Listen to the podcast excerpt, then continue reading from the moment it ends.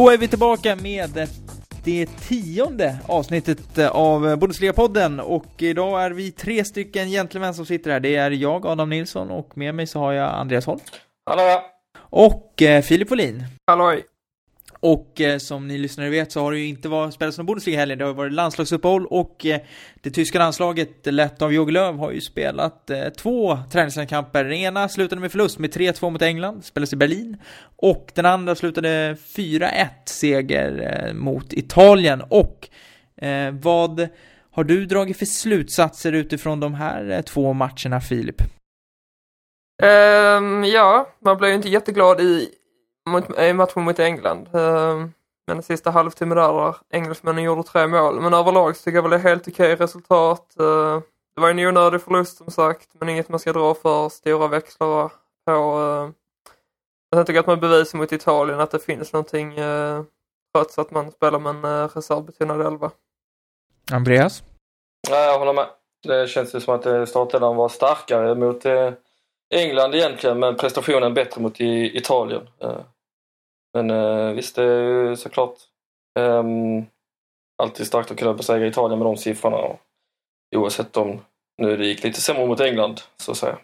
Eh, Jogi Löw pratade ju om att resultaten eh, egentligen inte var det viktiga utan det handlar snarare om eh, det spelmässiga och att få se vissa specifika spelare. Filip, vilka spelare tycker du i, den, i de här två landskamperna har presterat så pass mycket att de faktiskt gjorde väldigt bra reklam till att få vara med i en EM-trupp? Om vi säger som så att Tony Kroos är väl given i vilket fall som helst. Men han tyckte jag gjorde det väldigt bra. Bortsett från eh, sina två mål så var han ju fruktansvärt eh, drivande på mittfältet. Och, och sen tycker jag att Jonas Hector så gjorde bra reklam för sig själv. Uh, och uh, Götze och Gomes givetvis. Båda två visade att de förtjänar plats i truppen. Uh, Antonio Rudiger däremot uh, har inte så mycket värst ja, han har inte så mycket att glädjas över helt enkelt och han har väl han bör väl inte vara garanterad en plats i truppen kan jag tycka.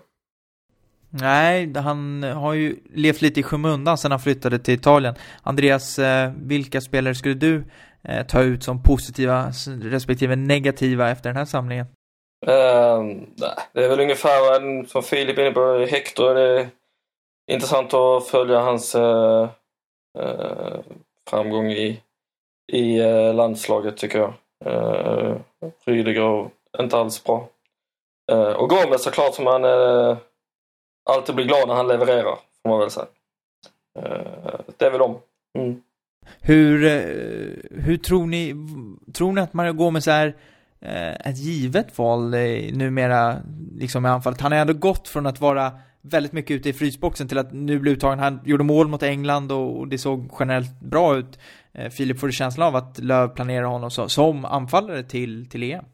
Alltså efter detta genrepet nu mot England och Italien så, så kan jag inte se någon anledning till var, varför han inte ska ta med honom. Uh, det finns ju ingen annan anfallare egentligen att välja mellan. Annars är det ju spela med falsk nia. Det har ju varit blandade resultat tidigare. Så självklart ska, ska Mario Gomez med.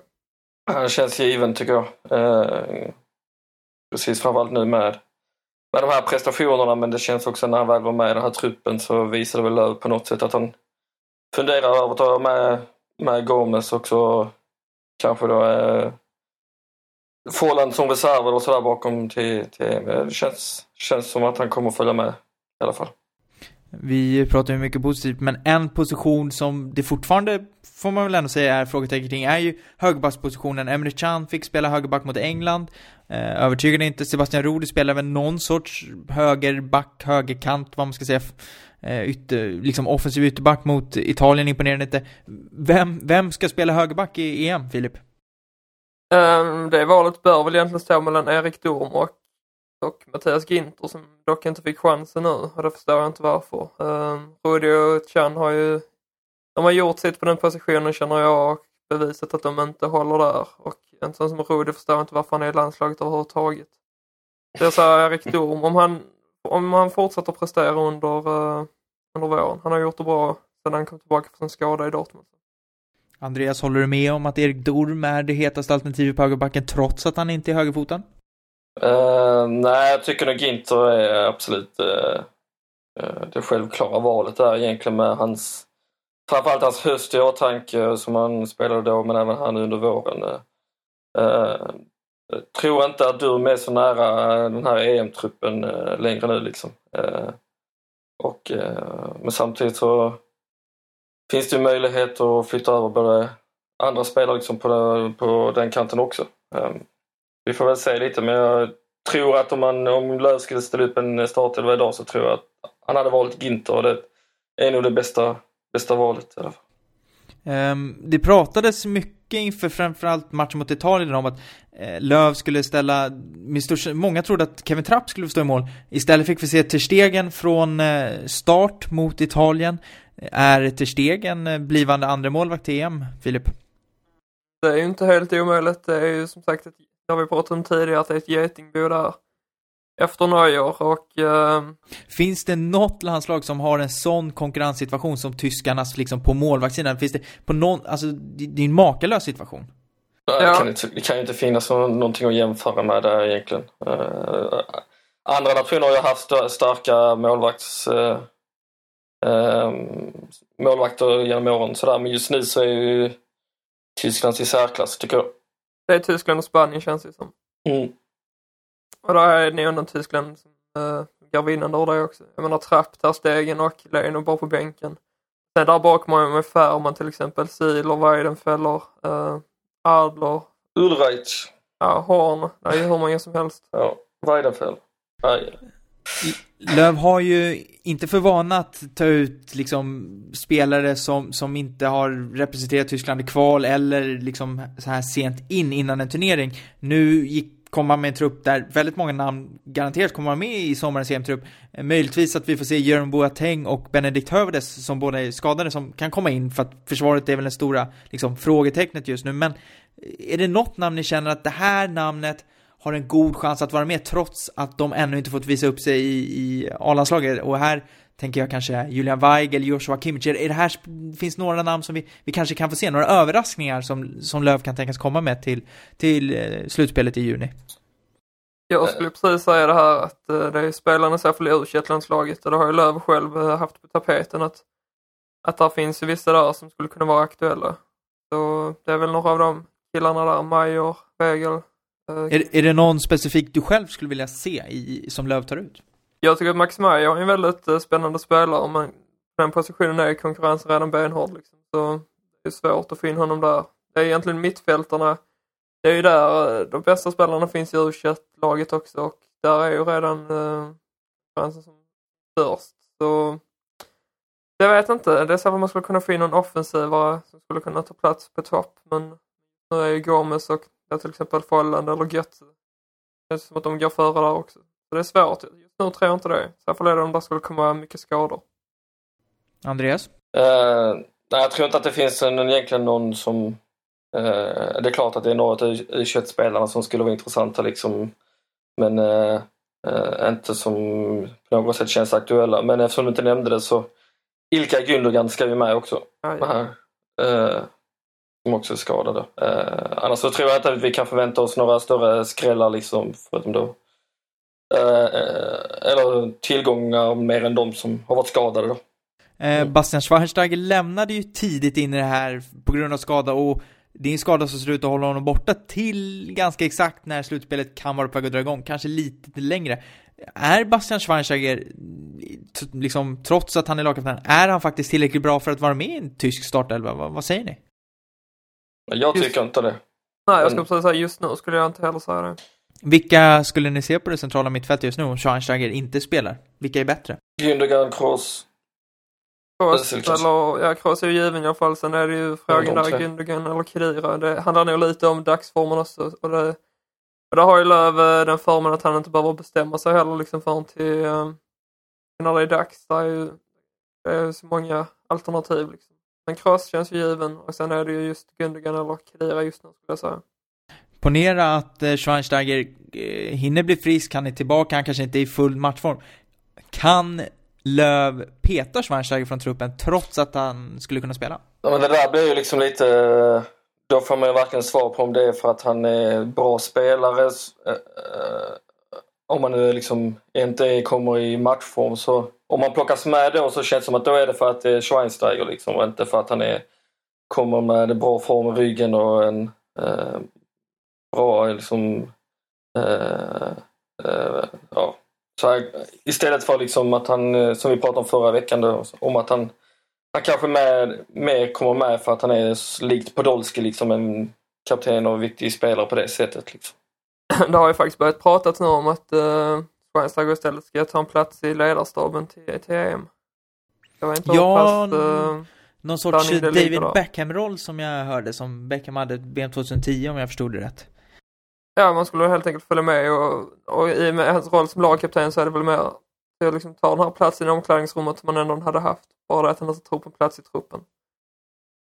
Vad, för att liksom sammanfatta det här, hur mycket ska Tyskland ta med sig från de här två träningslandskamperna inför sommarens EM? Vad, finns det någonting man faktiskt kan utröna om hur långt de kan tänkas nå i, turneringen? Mm, det var ju två väldigt stora värdemätare tyckte jag och eh, det man kan ta med sig är väl helt enkelt att de inte ska sluta spela efter en, eh, efter en timme. Där har de ju lärt sig en läxa får jag hoppas. Eh, sen Italien-matchen kändes ju mycket bättre. Det, det var ju liksom full kontroll från Tysklands sida. Så jag tycker ändå de ska ta med sig, ta med sig detta som en positiv erfarenhet och ta detta som en uh, lärdom liksom. Andreas? Uh, nej, håller med. Uh, stora värdemätare liksom. Så är det ju. Ehm, det kan, kan hända väldigt mycket här fram till EM också med olika skador och sådär liksom och vi vet att när Tyskland väl ställer den absolut bästa elvan på plan så är man eh, om inte det bästa så ett utav världens bästa lag liksom. Ehm, och jag tror att oavsett egentligen hur eh, truppen ser ut så kommer ju Tyskland vara tippade eh, Europamästare utav ja, minst hälften skulle jag gissa. Liksom. Så att det är klart att man kan utröna redan nu liksom att de kommer vara med och slåss om, om, om, en guld, om guldet där. Det blir eh, i vilket fall intressant att se. Det är ju några träningslandskamper kvar och så får vi se hur det ser ut på skadefronten för de spelarna som inte kunde medverka den här gången.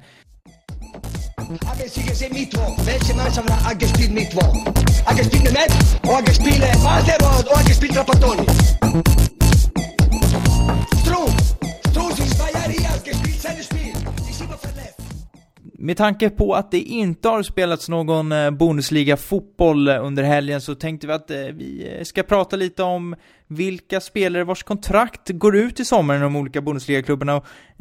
För er som vill ha en fullständig lista så har Filip skrivit ihop en och den finns ute på svenskafans.com som är väldigt bra och sammanfattande över alla Bundesliga-klubbar och vilka spelare de har som sitter på utgående kontrakt.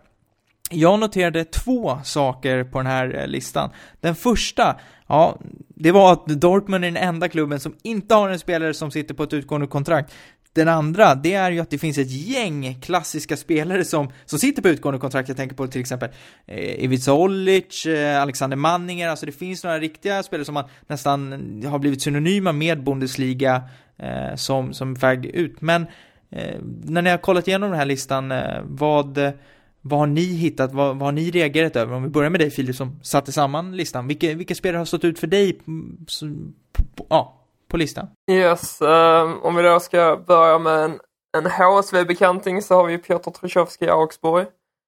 Uh, han har ju varit väldigt skadebenägen men jag tycker att han håller en, Och jag tror väl att ett beslut där kommer inte tas förrän efter säsongen för att se liksom hur många matcher han har skrapat ihop och uh, och vad, vad klubbledningen har att säga liksom. Nu har det inte gått så vidare bra för Augsburg den här säsongen och eh, det har väl varit en hel del spelare som hänger lös skulle jag tro. Sen har vi ju eh, en svensk, Branimir Hagota. Eh, hoppas han stannar kvar i Tyskland och han har ju ryktats till då bland annat Hamburg. Det har stått lite stilla på den ryktesfronten här på sistone. Det har ju gjort det. Att han, eh, att han lämnar Gladbach är väl mer eller mindre klart liksom. Han har ju inte han har inte mycket där att, att vinna, känns det som. Men eh, sen var han hamnar är en annan, är en annan fråga. Men där känns väl mer som att det är ett lag på undre halvan, mitten i Bundesliga eller topplag i Schweiz. Eh, nu beror det på vilka lag som går upp till, till Bundesliga men till exempel Nürnberg eller Freiburg hade kanske känts rimligt där. Det ska bli väldigt intressant att se var han hamnar i alla fall. Andreas, eh, när du kollade på den här listan, dels kan vi börja, det är Dortmund, det är, man får ändå vara imponerad över att eh, de inte har några spelare som eh, sitter på utgående kontrakt. Bra jobbat av sportchefen där, Sork. Mm, ja, det känns som att de jobbar aktivt med det där, att liksom inte ha några stora frågetecken inför eh, slutet på säsongen och, och sådär. Eh, sen är det såklart att det finns spelare som ryktas bort ändå sådär, men eh, ja, det känns väldigt bra faktiskt. Men om du kollar på listan och ser det till alla lag, eh, vilka namn står ut för dig på den här listan? Uh, men det känns som att det finns en del uh, spelare att hämta ut från uh, lagen som är liksom på väg att åka ur eller sådär. Jag tänker på Seyhun Gülselam i Hannover som, som kanske inte är någon, vad ska man säga, superframstående spelare liksom men också som har haft en rätt strulig strulig säsong då. Jag tror att han känns som att han är i alla fall alldeles för bra för att följa med ner i, i, eh, i uh, Schweiz. Uh, det, det är väl det namnet. Sen är det inte Kevin Kuran i alla fall. Uh, det ska nog bli liksom. spännande att se vad som händer med honom. Det känns ju som att antingen blir det Kina eller så blir det ju spioner på hyllan. Liksom. Mm. Och sen finns det ju Leon Andreasen som sticker fram emellanåt liksom. Samma sak där som jag tror liksom kan vara en utmärkt spelare för en, ett lag som, som eh, eh, krigar liksom för att eh, göra en, eh, hålla sig kvar i Bundesliga, vilket han nog för misslyckades med. Vilket kanske är lite så man kanske ska värva från ett lag som har misslyckats så fatalt men det är trots allt kanske eh, ett par av de bättre spelarna i, i det laget. Um, Sen Martin Harnik är ju alltid intressant alltså. Hur mycket det finns att kräma ur honom. Där sägs det ju att eh, ditt Hamburg är intresserade. Filip, har du något nytt på den fronten? Äh, inte just nu, men det, det känns som att Hamburg är i alla fall med i, i leken helt klart. Han har ju ett förflutet i både staden och jag är inte helt säker på att han har spelat i klubben tidigare. Jag vet i alla fall att han är född och uppväxt i HSV och att han har många gånger sagt att han skulle kunna tänka sig att spela för klubben. Så jag tror att uh, den finns helt klart med i tankarna. Men uh, just nu har det inte sagt så mycket. Det är faktiskt ovanligt tyst kring HSV, även fast man nu är ingrodda in, uh, i, i bottenstriden igen. Men eh, det är ju ett, eh, en annan Stuttgart-spelare som verkligen har varit stått för rubriken och det kanske är det hetaste spelaren av dem alla av de som sitter på utgående kontrakt i Daniel Didavi som verkligen har varit mm. viktig för Stuttgart och senast idag så läste jag att han har skrivit på för Wolfsburg. Vad, vad tror du om sanningshalten i det, Andreas? Eh, jo, men det är svårt att lägga någon värdering det. är klart att han, nu är många som ser att han ska, skulle kunna vara ett, en, en, en, spelare för ett lag på, på den övre halvan i alla fall. Eh, tanken var väl det i Stuttgart också. Eh, men eh, skulle kanske inte tro att han är aktuell för någon startplats i Wolfsburg men absolut att de kan se honom som en breddspelare och han är ju något av en supersub också emellanåt så att på så sätt så känns han väl högaktuell för den typen av eh, nivå så att säga. Det känns som ett, eller ett, jo, men ett rimligt klubbval. Liksom. Mm. Eh, finns det några klubbar här som ni ser som borde göra allt de kan för att liksom antingen värva en av de här specifika spelarna eller förlänga med sina egna spelare? Ja, Werder Bremen med Pizarro. Jag tror han håller ett år till i alla fall. Och även om han inte gör det så är det värt chansen liksom. Och sen så var det, vet jag att eh, det var ju snack om att eh, Werder Bremen skulle försöka få loss eh, Dilo ytterligare ett år då. Eh, det känns ju som en riktigt bra förstärkning inför nästa säsong om man håller sig kvar. Men det verkar ju, det tror jag och i så fall känns det, med tanke på att han har spelat här under våren, så tror jag att det kan bli en, en nyttig spelare för nästa år.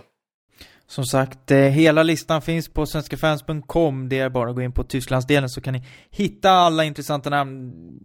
Möjligen bara för att ni är intresserade och se vilken just eran klubb skulle kunna tänka sig att värva, men även för att se eh, vilka spelare och vilka klubbar som kan du få svårt i kommande säsong. Vi ser ju till exempel om man kollar på listan att eh, Darmstadt har ju ett gäng spelare vars kontrakt går ut och eh, håller de sig kvar, ja då får de kämpa och värva en del nytt om de inte lyckas förlänga med, med en del av de här namnen.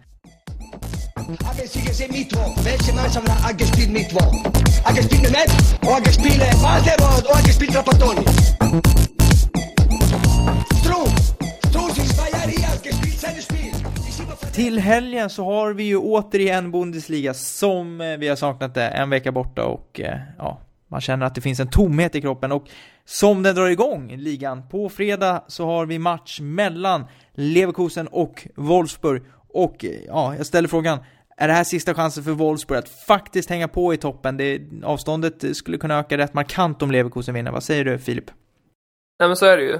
Eh, jag tror dock redan att det är kört, det har jag sagt tidigare. Och jag får stå fast vid det. Men, eh, men visst, tar de tre poäng nu så, så är de ju faktiskt med i, i racet rent teoretiskt. Dock så...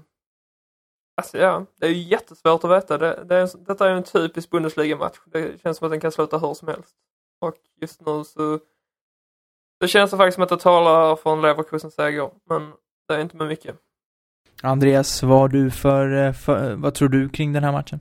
Mm. Det är jättesvårt så här efter ett uppehåll liksom att säga om hur det ska gå men visst är det sista chansen för, för Wolfsburg om de ska eh, ja, lyckas ta kanske en kvalplats i Champions League. Eh, det finns fortfarande möjlighet att lyckas spela till sig en Europa League-plats men det kändes inte som att de skulle göra det inför uppehållet och vi får väl se lite här nu efteråt.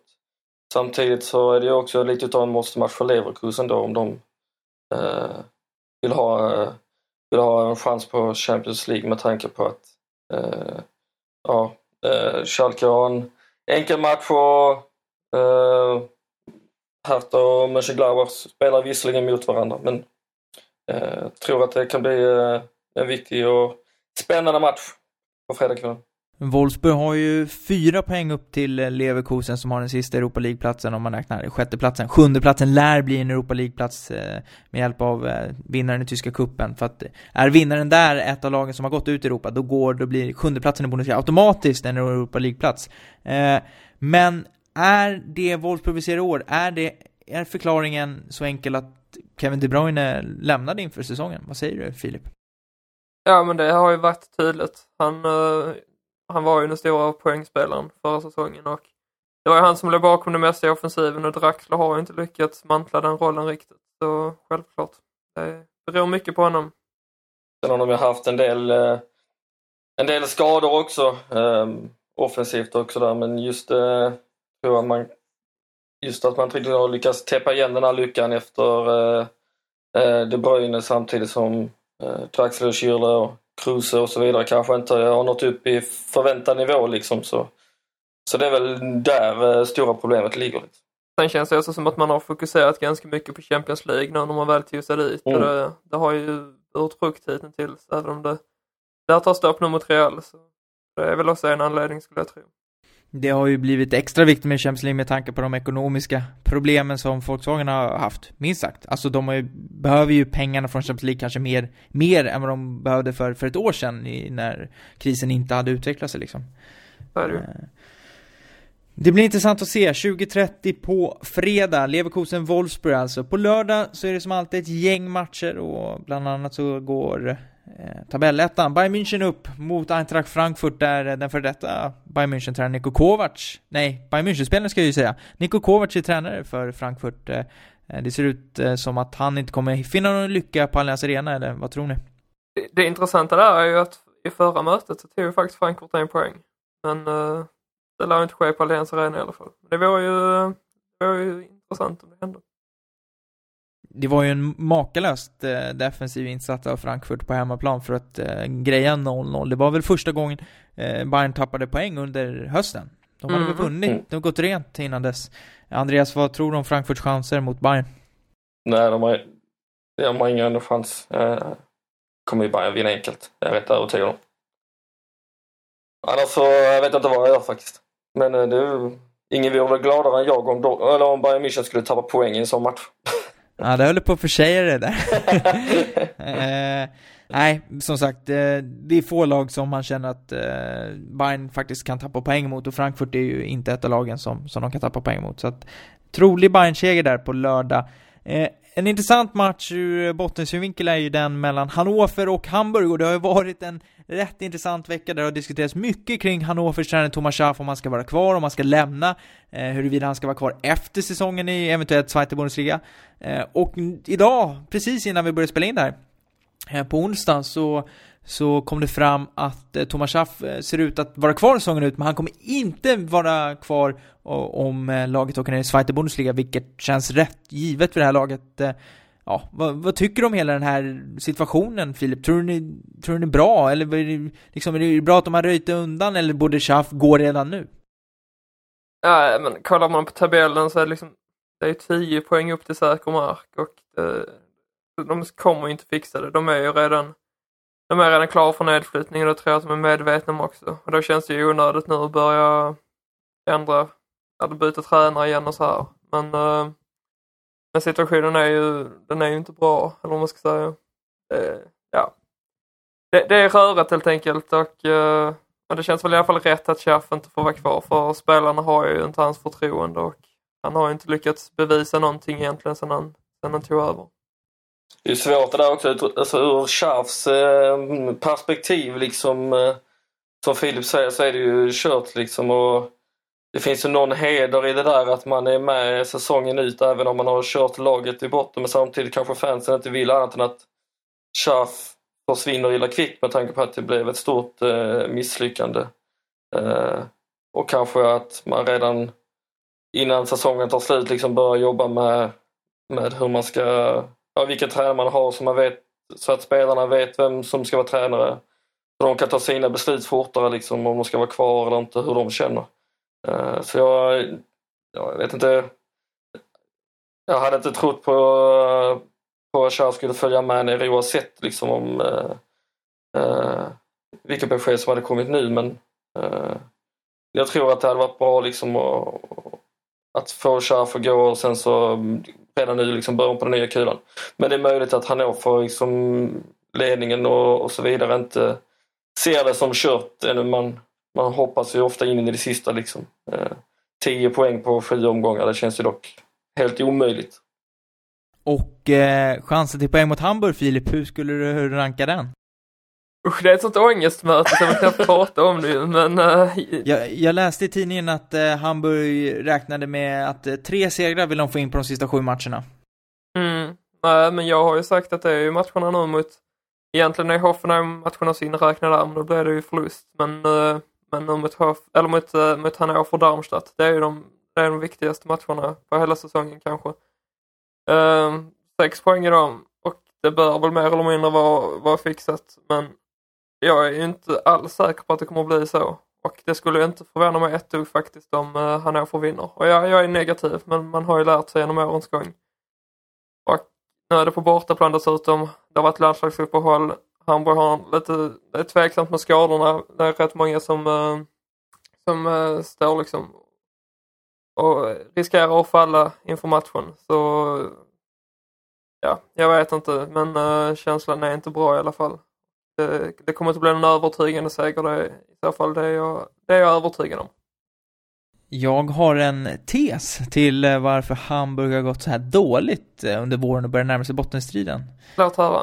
Eh, jag tror att det är så här, eh, som kanske många lyssnare är medvetna om, så har Hamburg haft ekonomiska problem sedan ett rätt bra till, tag tillbaka efter deras, när de var en eh, större klubb och var ute i Europa så spenderar de mycket pengar och sen anpassar de aldrig nivåerna efter att de inte kom ut i Europa på samma sätt så har dragits med många ekonomiska bekymmer under de senaste åren.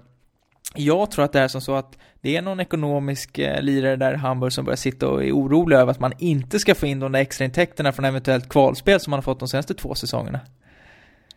Oj. det är någon extra match eller två sådär som kan dra in lite extra merch och sånt där. Ja, det tror jag nog att fansen hade donerat ihop de pengarna i så fall. För det är, det är fruktansvärt kan jag säga. Nu har ni väl aldrig varit med om det här med kvalspel, men det är ju... Jag är Hammarbyare, jag har varit med om allt. Ja, men det är inte samma sak. Hamburg och Hammarby liksom. Nej, men alltså det är... Uh... Jag har varit med om många kval. Champions League och Ja, jo precis. Men fy fan, det, det är ju ångest i en vecka. Först den här glädjen över att man tar kvalplatsen, eller rättare sagt lättnaden, så vet man ju vad som återstår. Och det är ju en vecka, man vill ju, alltså när, nu senast, uh, det går ja, inte att beskriva. Ju, det var ju en, en nagelbitare. jag vet inte vad det var, det var ett helvete. Hannover Hamburg på lördag, så det blir en väldigt intressant match att se och eh, det är dags för Hamburg att ta tre poäng. Yes, det håller vi med om. Vidare så har vi eh, Mainz Augsburg, ett topplag mot ett eh, lag som också är involverade i bottenstriden. Tänkte inte säga så mycket om den matchen just, eh, men vi har också ett möte mellan Ingolstadt och Schalke och i veckan så gick Junior Kakaira kanske han heter, högerbacken i alla fall, som de värvades från Ludogorets inför säsongen. Han sa i en intervju med Kicker att han tror att Schalke på sikt mycket väl skulle kunna nå eh, till samma nivå som Dortmund är idag. Han tyckte att så länge man följer på den inslagna linjen och håller sig till tränaren André Breitenreiter så är det fullt möjligt. Andreas som Dortmund-supporter, vad, vad tror du kring Schalkes chanser att faktiskt kunna bli eh, en sån klubb som är en absolut etablerad toppklubb i Tyskland och i Europa? Um, ja, alltså jag tror definitivt att uh, Schalke har den möjligheten, precis som även andra storklubbar liksom, eller ofta toppklubbar i Bundesliga har som Wolfsburg och Leverkusen, Mönchengladbach. De har, alla de eh, tror jag har möjlighet liksom, på sikt att bli en konkurrent. Liksom. Eh, för Schalkes del så har man en extremt bra grund i sin, sin ungdomsakademi och, och jag tror att om man nu om man, det som han, han menar liksom för, är linjen för att nå eh, samma så är det ju att man måste eh, se det som långsiktigt med sin tränare. Ehm, jag är inte så säker på att André Breitenreiter kommer att bli sådär jättelångsiktig lösning i, i Schalke med tanke på hur mycket snack det har varit här redan under hans, hans första år. Men, Eh, absolut finns möjligheten att, att Schalke, eh, kanske inte nästa säsong men inom ett par år liksom ut på och nosa åtminstone på de nivåerna som, som Dortmund är på. Eh, man ska ju komma ihåg att Dortmunds fjolårssäsong inte var någon höjdare liksom och på samma sätt kan ju andra lag göra en toppensäsong. Eh, det handlar om att hitta en stabilitet och ett långsiktigt eh, jobb och med att behålla samma personer i de olika staberna. Om nu ska då Schalke byta eh, till Heidel istället och sådär. Så att det känns som att det är längre fram kanske än vad den här Kakara eh, pratar om. Men visst finns möjligheterna. Filip? Uh, nej, men jag håller med. Schalke just nu denna säsongen har varit lite torftig eller man ska säga. Men uh, minst sagt. Men, uh, men tidigare år liksom när Huntler var i stor form och man hade främst de här speediga kanterna liksom som matade in bollar i, i boxen och ett försvar som höll hög klass. Så tyckte jag Schalke hade någonting uh, på spåren där. Så jag tror definitivt att man, eh, man har alla förutsättningar för att kunna komma ikapp Dortmund, men det krävs ju också att allting går deras väg. Och, eh, och som Andreas säger, Breitenreiter, jag tror inte heller att han eh, är ett långsiktigt namn för Schalke. Sen vet jag inte heller vem jag hellre hade sett där, men, eh, men troligtvis så kanske redan i sommar eller nästa säsong, om det fortsätter så här, så får vi se ett nytt namn där. Vägen mot toppen går först genom en seger mot Ingolstadt på lördag då, på bortaplan. Ett Ingolstadt som är rätt starka på hemmaplan, ska sägas. Eh, vi har också matchen mellan Darmstadt och Stuttgart, två av ligans eh, formsvagare lag på sistone som spelas under lördagen och lördagen avslutas med match eh, som Andreas eh, kommer att uppleva på plats. Den mellan Borussia Dortmund och Werder Bremen. Andreas, eh, eh, med Claudio Pizarro borta i Bremen så finns det inte mycket som talar för att Bremen ska ha någonting att sätta emot på Westfalenstadion, eller hur?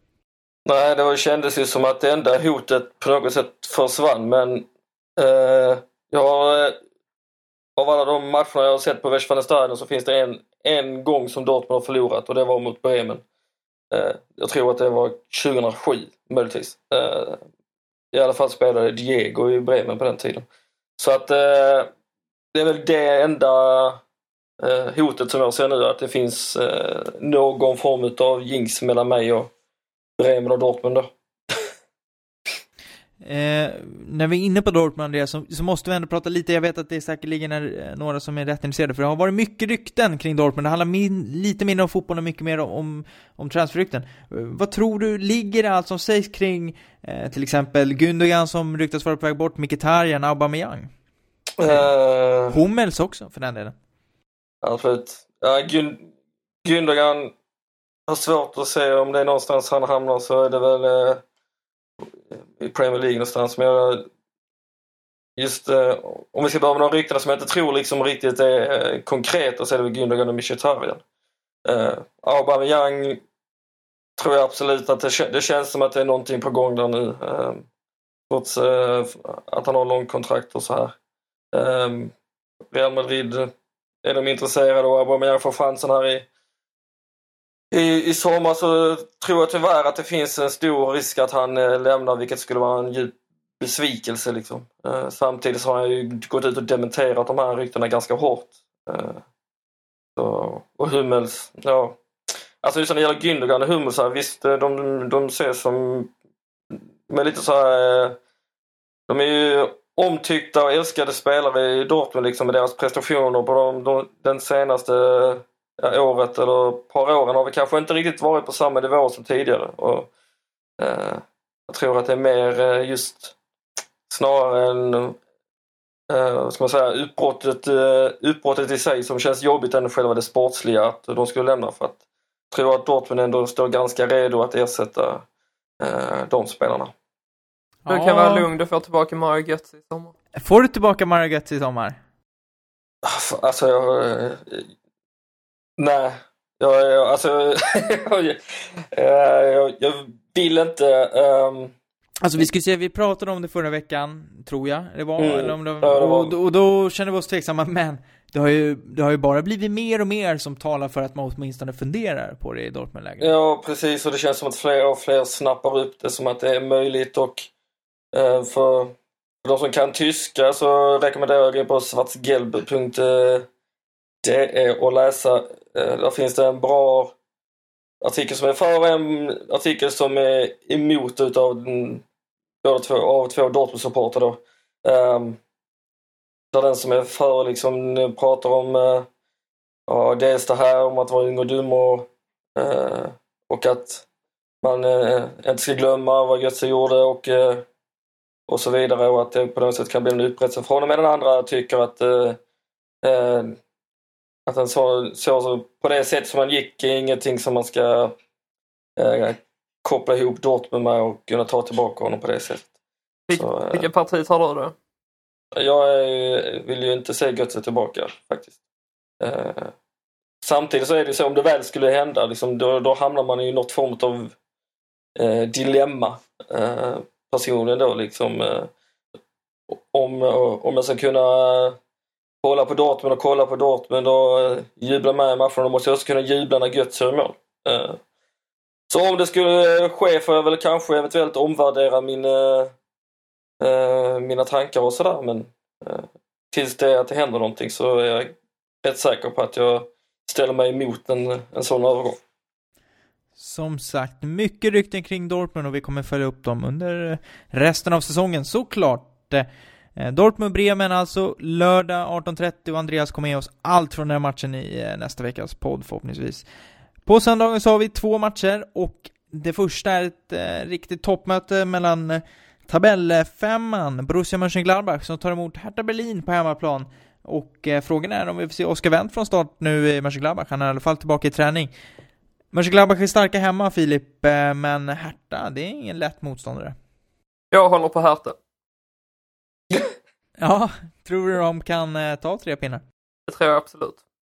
Eh, Det kommer bli en tuff eh, match givetvis, men eh, eh, jag vet egentligen inte varför, men det- det- de tar ju, tar ju poäng hela tiden och det är ju oftast tre. Jag fattar inte hur det går till egentligen. Det är lite samma som, nej men det är samma som med Leicester i Premier League. Man har hela tiden tänkt att det är liksom en, uh, vad ska man säga, det sker här och nu liksom, men det kommer ta slut när som helst. Men uh, det, det bara fortsätter ju. Eh, Ingolstadts assisterande tränare sa efter eh, deras bortamatch i, i, eh, mot Hertha i, i Berlin att eh, eh, det här är bara för att alla vill att, eh, alla på högre nivåer vill att Hertha Berlin ska gå till Champions League, det vill säga han, han påpekade att det var som att det var en konspiration gentemot alla andra lag för att få Hertha att gå hela vägen. Ja, alltså det, det grejen med Hertha som man är lite sådär är att de har ju storhetsvansinne. Till exempel, de borde ju tänka mer som Hamburg. De är ju... Det är väl liksom... Lägga sig på tolfte plats. nej, jag skojar. Men, eh, nej, men jag hade gärna velat se Hertha i Europa också. Jag tycker nu de senaste åren när det inte har funnits något, uh, ett Berlinlag i, i Bundesliga så tyckte jag varit jättetråkigt. Så, så det här är givetvis kul. Sen är man lite rädd att Hertha ska drabbas av det här syndromet som verkar finnas i Bundesliga. Att, uh, när man gör en sån här kanonsuccé sen nästa år så får man slåss för sitt liv. Liksom. Men, uh, men nej men för att återgå till, till matchen på söndag så, så tror jag att chanserna är goda. Men det kommer att bli en jämn match och det kommer förmodligen bli så 2-1 till, till Hertha i så fall. Helgen avslutas med eh, matchen mellan eh, ett formstarkt Hoffenheim, har vunnit fyra av de senaste sex matcherna, mot ett eh, något svagare Köln. Får vi se Hoffenheim vinna sin femte match på de senaste sju i helgen, Andreas?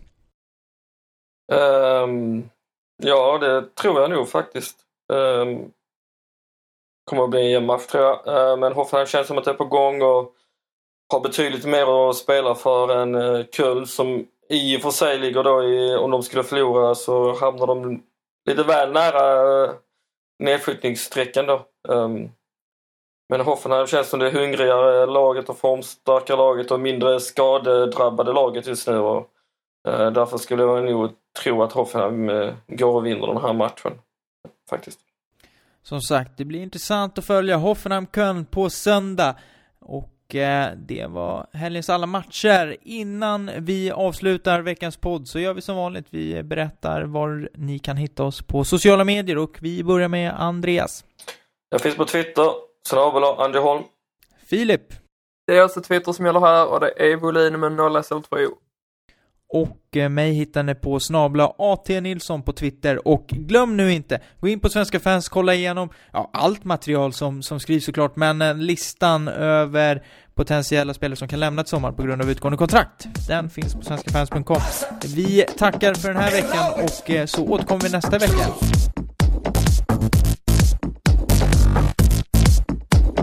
Passa